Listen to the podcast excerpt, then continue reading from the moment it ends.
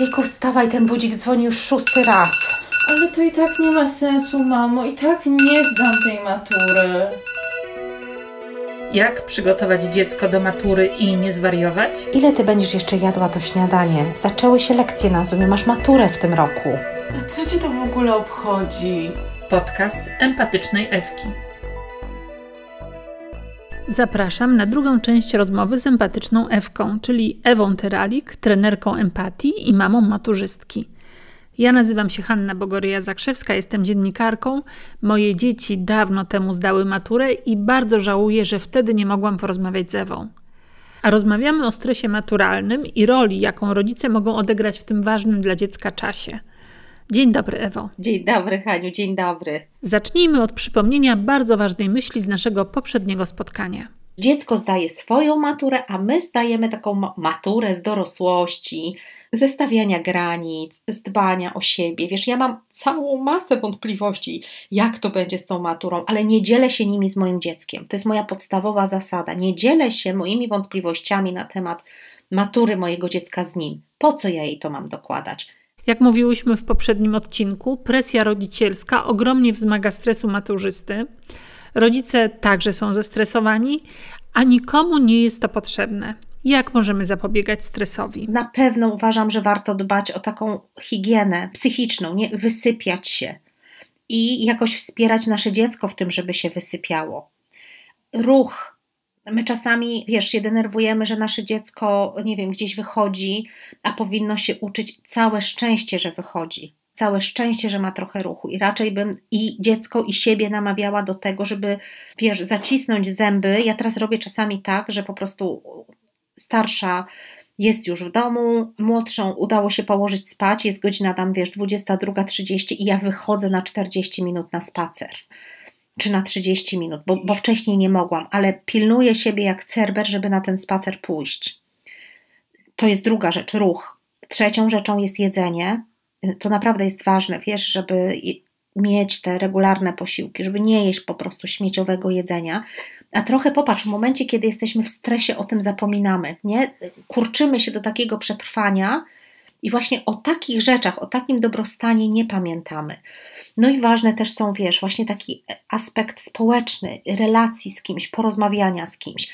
Zresztą e, również w profilaktyce stresu i wypalenia te cztery rzeczy odpoczynek, sen, relacje, jedzenie i ruch to są cztery czynniki, które na przykład mają ogromne znaczenie w momencie, kiedy mierzymy się z depresją. Zadbanie o nie już może dużo zmienić, kiedy jesteśmy w stresie również. I teraz wiesz, stres jest reakcją fizjologiczną, w czasie której no, wydziela się bardzo dużo hormonów. Z jednej strony, to jest jasne, że tak się dzieje, ale z jednej strony jest tak, że wiesz, jeżeli to są na przykład hormony typu adrenalina, to to nawet i jest już naukowo udowodnione, że robi się taki łańcuch, że ja mam adrenaliny dużo, więc się, że tak powiem, wywalę ją na kogoś następnego. Ja dziecko na przykład nastoletnie na mojego rodzica, rodzic na męża, nie? Mąż na kogoś i się robi taki łańcuch trochę. Ta adrenalina sobie krąży od osoby do osoby, nie żebyśmy ją tylko zrzucili. A można inaczej. Można świadomie pójść na spacer, czy zrobić sobie przerwę i po prostu pozrzucać z siebie, nie potrząść się, co robią zwierzaki po trudnych sytuacjach. Jak masz psa, masz kota, zauważ ten taki ruch otrząśnięcia się. Bardzo mądry ruch z ciała. Więc y, jakoś ja głęboko wierzę, że takie proste zasady w stylu pójdź świadomie na spacer, pójdź z taką myślą, że wyrzucasz z siebie stres, potrząś się tam trochę, tak? Walnij sobie w coś, kopnij sobie w coś, tam to rozładuj bardzo może pomóc. Nie tak naprawdę świadomie pozbywam się z mojego stresu. Są takie sytuacje, gdy udajemy, że nie jesteśmy zestresowani, ale przecież dzieci widzą naszą ściągniętą twarz, napięte ramiona. Myślę, Haniu, że do naszych dzieci tak naprawdę bardziej trafia to, co robimy, niż to, co mówimy. I ja myślę, że jeśli nasze dziecko będzie widziało, bo ja się nie boję powiedzieć, słuchaj, to jest trudna sytuacja, nie, ta matura, ja rozumiem, że się stresujesz, ja też się trochę stresuję i popatrz, opiekuję się tym radzę sobie, tak? Ja nie udaję, że się nie stresuję Twoją maturą. Ja po prostu mówię, tak, stresuję się i coś chcę sobie na to zaradzić. Myślę, że to też jest taka fajna lekcja dla dziecka na przyszłość, że jak się pojawia stresująca sytuacja, to ja mam gdzieś obszar wpływu. Co nie wspiera maturzystów? Na pewno to, co słyszałam, co oni wprost mówili, że ich nie wspiera, to straszenie ich, że właśnie ucząc się w ten sposób, to nie zdasz, że nie poradzisz sobie. Takie katastroficzne, czarne scenariusze, które mają na celu motywację, a tak naprawdę odbierają im siły, im się jeszcze bardziej nie chce. Więc to na pewno nie wspiera. Mam poczucie z tego, co mi opowiadali też, że nie wspiera ich obniżanie ich ambicji, że na przykład ktoś ma świadomość, że chce się dostać na kierunek, na który trudno jest się dostać i że może nie jest najlepszym uczniem, ale chce spróbować. I kiedy słyszy od swoich rodziców, od swoich bliskich, i tak tam się nie dostaniesz, po co tak wysoko mierzysz? Odpuść sobie, no to ja rozumiem, że rodzic ma w intencji, żeby właśnie dziecko nie doznało porażki, żeby dziecko jakoś oswoić z tym, natomiast dziecko niestety może usłyszeć wtedy: Jestem do niczego, nawet oni we mnie nie wierzą. I to jest taka rana, wiesz, taka zadra, o której ja potem słyszę w gabinecie, mm, że moi rodzice we mnie nie wierzyli. I jest mi wtedy strasznie smutno, bo ja sobie wyobrażam, że po tej drugiej stronie wcale nie było to, że nie wierzyli, tylko chcieli mi jakoś ewentualną porażkę osłodzić, czy uchronić mnie przed nią, a wyszło na to, że dołożyli mi cegiełkę do braku poczucia własnej wartości. O czym jeszcze słyszę czasami od, od młodych ludzi, strasznie nie lubią takiego ja dla ciebie tyle. My tu sobie flaki wypruwamy z ojcem. Ja trochę tak koloryzuję, ale to jest taki typ komunikatów, że my dla ciebie tyle. Twoim jedynym obowiązkiem jest uczyć się, a ty nic nie robisz. Nie? W domu nie pomagasz, nic nie musisz robić i jeszcze się nie uczysz.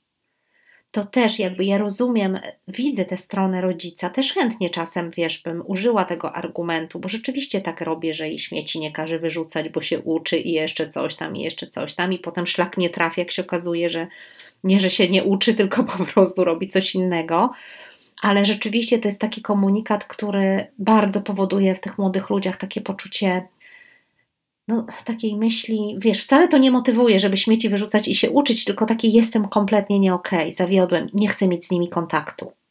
To jest prosta droga do tego, żeby dzieci z nami nie chciały mieć kontaktu. Nie? W poprzednim podcaście mówiłyśmy o tym, by przegadywać pewne rzeczy z innymi mamami, e, szczególnie tymi, których dzieci już są po maturze. Ale czy to na pewno jest dobre, bo dzieci są przecież bardzo różne człowiek w wieku maturalnym to jest ktoś, z kim, z kim można uznać, porozmawiać i zapytać: Słuchaj, co, co z mojej strony ciebie by najbardziej wsparło? Bo ja mam na ciebie różne pomysły, no i chciałabym wiedzieć, jak one w tobie lądują, czy to ci pasuje, czy nie. Myślę, że warto, wiesz, z dzieckiem się umówić na taki sygnał, że jeżeli ja idę w moje, e, no moje dziecko mi potrafi powiedzieć, za chwilę przestanę z tobą rozmawiać, idziesz w nie, nie z tą stronę. Okej, okay poszłam w nie tę stronę, nie poszłam w jakieś pocieszanie, czy poszłam w jakieś mówienie, nie musisz zdać na 100%. I ona się zezłościła, tak? I mówi, nie będę chciała z tobą za chwilę rozmawiać. Pierwsze ostrzeżenie. Można się na coś takiego umówić. I ja naprawdę wierzę, że z, z młodzieżą w tym wieku można ich zapytać, co by ich wsparło, co chcą słyszeć, a czego nie chcą słyszeć. No myślę, że właśnie taka rozmowa, nawet jeśli to by miała być pierwszy raz rozmowa w życiu, słuchaj, zdajesz maturę i to jest taki pierwszy krok do dorosłości, nie? I ja cię chcę teraz zacząć dorośle traktować i chciałabym wiedzieć, co tobie pasuje, jak ja cię mogę wesprzeć, a jak nie. W zasadzie o każdej rzeczy możemy pogadać, tak? Czy ty chcesz, żebym ja rano sprawdzała, czy jesteś na lekcjach na tym Zoomie, czy nie? Czy chcesz, żebym cię pytała, jak tam szkoła, czy nie? No i oczywiście, wiesz, pewnie będzie tak, że na coś się umówimy, ale życie przyniesie swoje scenariusze i też musimy mieć świadomość, że w dzieciach buzują te emocje. I wiesz, zdarzają się takie historie, że dziecko mi mówi: Nie pytaj mnie, więc ty grzecznie nie pytasz, a potem dziecko ci wywala, bo ty się wcale mną nie interesujesz. Przywilej wieku trochę. Trochę jesteśmy tą skałą, właśnie w którą może ta fala uderzyć no i wtedy dla mnie najważniejsze jest takie poszukanie spokoju w sobie, nie? że no dobrze, słyszę, że teraz y, ci smutno, czy tam masz żal, że cię nie pytałam. Ja jestem chętna cię pytać, czy na pewno będzie to ok. Będę cię teraz pytała, zobaczymy jak to zadziała. Myślę, że taka naczelna zasada to nie brać do siebie tego, co dziecko mówi. Ja sobie, wiesz, jak moje dziecko tak, tak jakieś raniącą rzecz mówi, to ja sobie wyobrażam, że ja mam taki ekran, od którego to się odbija, a mnie się wyświetla, to nie jest o mnie. To nie o mnie. I wtedy łatwiej mi przez to przejść. Potem, jak ona jest spokojna, ja mogę wrócić do rozmowy i powiedzieć: Słuchaj, jak tak powiedziałaś, było mi przykro. bo ja jestem pogubiona. Prosiłaś mnie, żeby cię nie pytać, a potem byłaś zła, że cię pytam. No to wiesz, naprawdę jestem pogubiona. No i teraz mam taki pomysł, że będę cię pytać. No i najwyżej mi powiesz, że te, nie chcesz o tym rozmawiać. Staramy się zachować spokój, nie napinać, a pewnego dnia po jakichś na przykład przykrych wydarzeniach w pracy wybuchamy złością i ofiarą tej naszej złości jest właśnie maturzysta. I co wtedy? Życie, wiesz, ja potem w domu u siebie słyszę, no tak mamo, e, jesteś trenerką porozumienia bez przemocy i terapeutką i wrzeszczysz na mnie, tak? No właśnie tak. Życie. Na szczęście zarówno życie, jak i komunikacja to jest proces i ja też, wiesz, mam już takie poczucie, że to się wydarzy ileś razy w ciągu życia, że nas poniosą nerwy, że ten nasz gad też trochę, e, zresztą może pomyślałam sobie, że może warto, żebyśmy trochę o tym gadzie opowiedziały, żeby było wiadomo mhm. też do czego się odnosimy. Nasz gad też czasem dojdzie do głosu. I ja wtedy mówię, no tak, no doszedł do głosu, nie zachowałam się tak jak chciałam, przepraszam.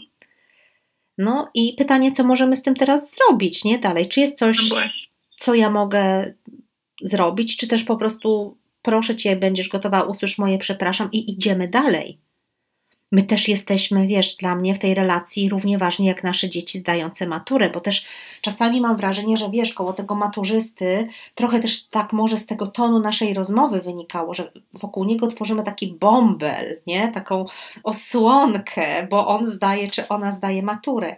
A ja myślę, że to są dwa bąble. To jest bąbel maturzysty, bo on zdaje maturę i bąbel E, rodzica dziecka, które zdaje maturę i który też ma stres, nie? No tylko my jako rodzice bardziej potrzebujemy sobie ten bąbel zadbać, nie przy pomocy dziecka, nie? Ale my jesteśmy tak samo ważni w tej relacji.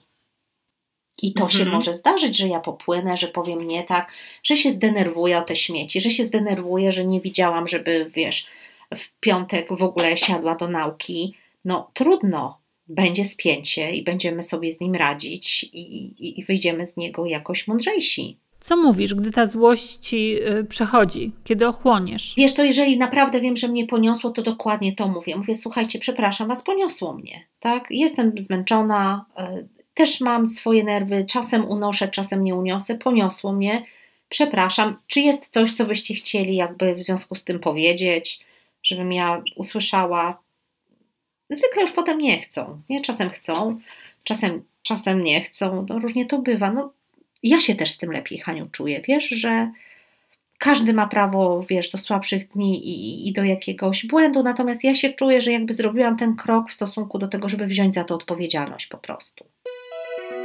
No i czego ty nie rozumiesz? No to takie proste. Tato! Podcast empatycznej Ewki. No to teraz o co chodzi z tym gadem? To jest taka, wiesz, bardzo uproszczona teoria dotycząca e, tego, jak funkcjonuje nasz mózg. Gdybyśmy sobie tak wyobrazili, że nasz mózg jest taki, wiesz, jak zwinięta pięść, no to tutaj, gdzie mamy nadgarstek, to są te takie stare części mózgu, nie ewolucyjnie najstarsze, no i one bywają nazywane mózgiem gadzi. Hmm? Kciuk to jest tak zwana część mózgu ssaczego, czyli związana z tymi czasami, kiedy żyliśmy tam w takich, wiesz, 150-osobowych stadach, a dopiero na to mamy zwinięte palce i to jest e, koranowa, czyli te takie nasze naprawdę najnowsze zdobycze człowieczeństwa, gdzie mamy zarówno, mm, wiesz, empatię, widzenie, kreatywność, uczenie się, zdolność widzenia drugiej osoby. No jeżeli ten nasz mózg jest zintegrowany, to jest e, teoria Daniela Zigala w ogóle, tak żeby nie zapomnieć o autorze, no to to wszystko fajnie działa. Nie? Jakby jesteśmy w stanie zarządzać sobą w emocjach, jesteśmy w stanie podejmować racjonalne decyzje, dobre dla nas, nie uczyć się i w ogóle. Tylko problem polega na tym, że to dosyć często nie działa i nasze palce robią taki ruch, wiesz, ręki, jakbyś palce odłączyła od, od środka dłoni, tak odpala ci. I ten taki gest odpalenia nazywam nazwaniem, zamienianiem się w gada.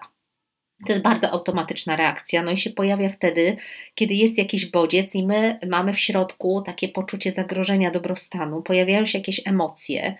No i najczęściej to są te, wiesz, emocje jednak e, pierwotne, związane, które są przetwarzane przez te pierwotniejsze części mózgu. No i niestety nasza kora nowa, że tak powiem, w momencie, kiedy gad dochodzi do głosu, odpada i ona jest słabsza. Dlaczego? Bo te stare części mózgu związane są z naszym przetrwaniem. Więc one mhm. siłą rzeczy muszą mieć pierwszeństwo. Gdybyśmy mieli rozsądnie, wiesz, myśleć o tym, że mamy oddychać, to raczej tyle ludzi na świecie by nie było, nie? gdyby trzeba było o tym pamiętać.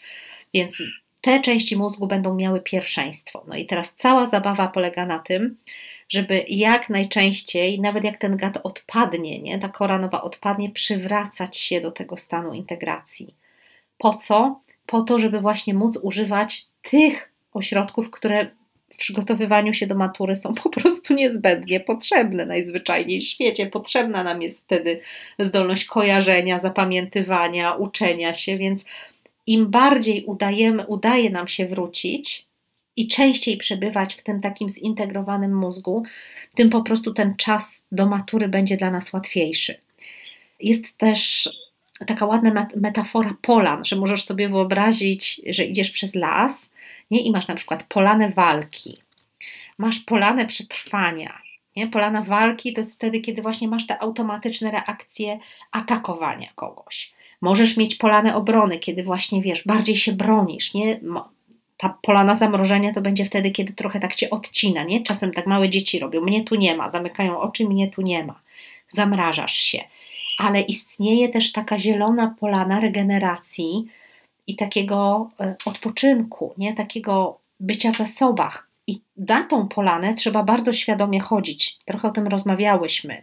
O jedzeniu, o spaniu, o wychodzeniu na zewnątrz, o dawaniu sobie chwili, o porozmawianiu z fajną osobą, o obejrzeniu fajnego serialu. Cokolwiek powoduje, że jesteś na tej planecie, na tej polanie, będzie powodowało to, że jakby łatwiej ci będzie sobą zarządzić w, tej, w tych automatycznych reakcjach. Mówimy w podcaście Empatyczna FK, ale nie powiedziałyśmy o tym, co to jest empatia. Ja w rozumieniu empatii jestem najbliższa definicji Malszara Rosenberga, porozumienia bez przemocy, i dla mnie empatia to jest takie towarzyszenie, że to, to jest taka naprawdę zdolność poznawcza, towarzyszenia w tym, w czym jest drugi człowiek. Nie jest to współczucie, takie jojanie, mhm. oj, oj. Nie jest to próba czucia tego samego, bo wtedy no trochę e, razem się możemy pociągnąć jeszcze, że tak powiem, głębiej, tylko takie naprawdę akceptujące bycie z tym, co jest u ciebie. Czyli jeżeli jesteś moim maturalnym dzieckiem, które ma stres, które ma dużo złości, które ma dużo niepokoju, które ma dużo smutku, to empatia jest taką zdolnością, no widzę, że jest ci ciężko, widzę, że masz tę złość, ten smutek, mogę to unieść. Nie? Zresztą taka trochę jest rola rodzica, że no my od maleńkiego kontenerujemy, unosimy te emocje naszych dzieci. Nie? One jakoś do nas spływają, a my je im takie oddajemy, jak są malutkie, tak, tak jest. A teraz znowu mamy tę okazję, że jest tego bardzo dużo i to dziecko nam daje te emocje.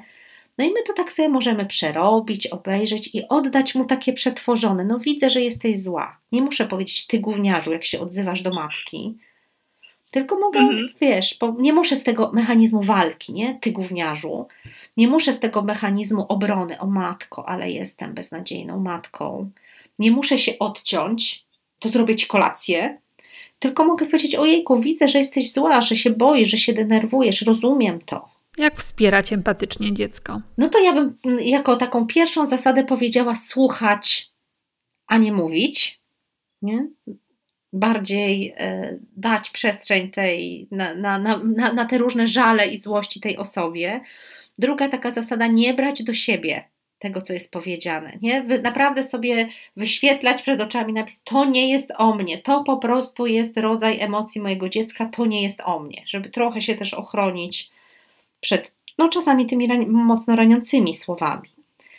Trzecie, tu bym sobie pozwoliła na taką, wiesz, stop klatkę, na zatrzymanie, na czas dzieje się jakaś afera, czy ja czuję, że we mnie wzbierają emocje, sięgam po stary, dobry oddech, czyli takie, zanim zareaguję, to danie sobie chwilę.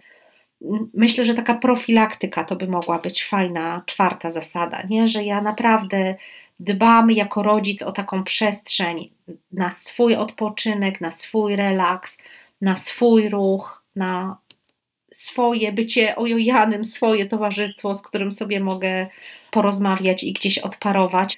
No i taka piąta zasada, że, żeby sprawdzać z dzieckiem, jak ja Ciebie mogę wesprzeć, co Tobie pomoże, żebym ja na Tobie nie ćwiczyła moich pomysłów, tylko powiedz mi, co Tobie pomoże. No i chyba szósta zasada, żeby sobie pozwolić na to, że to jednak jest życie i że to się będzie zmieniało, że być może zasada, która wczoraj była dobra, już dzisiaj się okaże niedobra, żeby mieć na to otwartość. No i myślę, że taka siódma zasada to, żeby po prostu sobie odpuszczać, nie? że naprawdę jesteśmy ludźmi, robimy na, najlepiej jak możemy. No i czasem nie wyjdzie, no to biorę za to odpowiedzialność, że nie wyszło i znowu próbuję. Z mojego doświadczenia wynika, że dzieci są bardzo dobrymi obserwatorami i czasami mogą powiedzieć nam coś ważnego o naszym zachowaniu.